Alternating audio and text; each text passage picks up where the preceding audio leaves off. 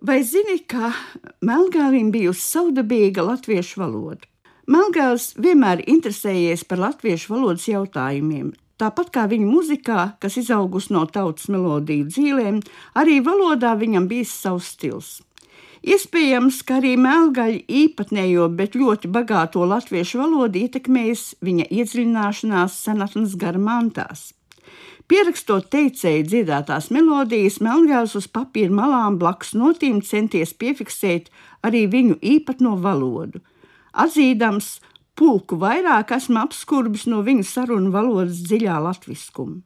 Komponists priecājies arī par senajiem, īpaši kurzemē dzirdētajiem māju nosaukumiem - Endris, Čaups, Kuršis, un arī neparastajiem cilvēku uzvārdiem - Gauris, Telešs, Zubris. Savu dziesmu tekstos Melngārs atdzīvina senās izteiksmes formas, kādas saklausījis vāgdams tautas melodijas.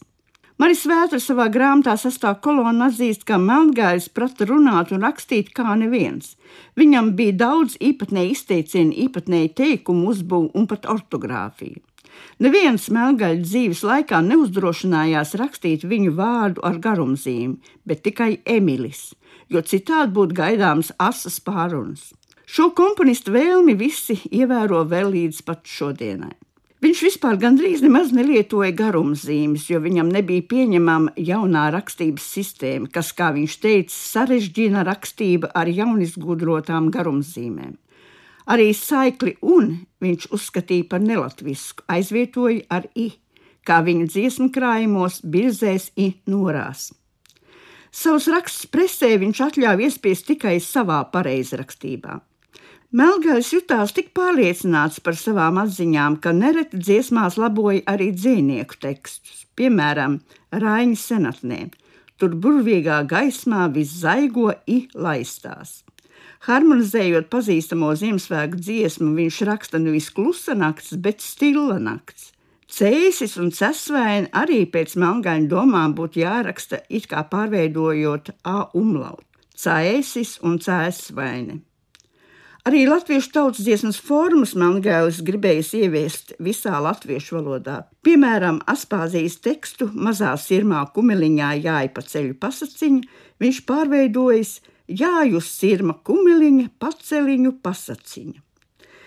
Melngājs neatzina sieviešu dzimtas galotni uzvārdos, kad reiz viņa paša meita Rūta uz skolas būtnīcas bija uzrakstījusi savu uzvārdu Melngaile, komponists dusmīgi izsaucies – Ja vajag sieviešu kārtā, tad raksti melnā vista. Valodnieks speciālists Melngaļa domas kritizēja, bet viņš palika nelokāms un visiem veidiem centās pierādīt savu taisnību.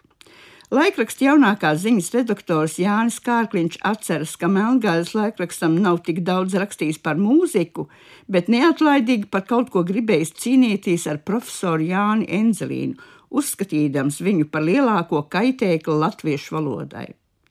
Profesors gan melngaļa rakstus vispār atstājis bez ievērības un nekad nav atbildējis. 1928. gadā Melngāls uzsāka mēneša raksta Austrums izdošanu, kas piedzīvoja vienas septiņas ļoti bagātīgas izdevumus. Tie ir gan melngaļa apceres un ieskats mākslas aktualitātēs, gan angļu valodas pašmācība pēc melngaļa izstrādātas metodas un šaha spēles smalkumi, tāpat arī dziesmu notis. Viss teksts publicēts bez garumzīmēm. Būdams izcils šahists, viņš latviskoja arī šaha figūru nosaukumus. Karalis pārto par kundziņu, zirgs par jātnieku, bandinieki nu ir gājēji, bet laidnis sulainis. Mēneša raksts austrums glabā arī visai interesants melngāļa atzinums par lībiešiem un latviskajiem dieviem. Ar laiku pie melngāļu valodas dīvainībām viss bija pieraduši, un tāpēc daudz nebrīnījās. Tomēr nebeidzami kari notika ar nošu izdevējiem, kur negribēja ievērot melngāļu ortogrāfiju.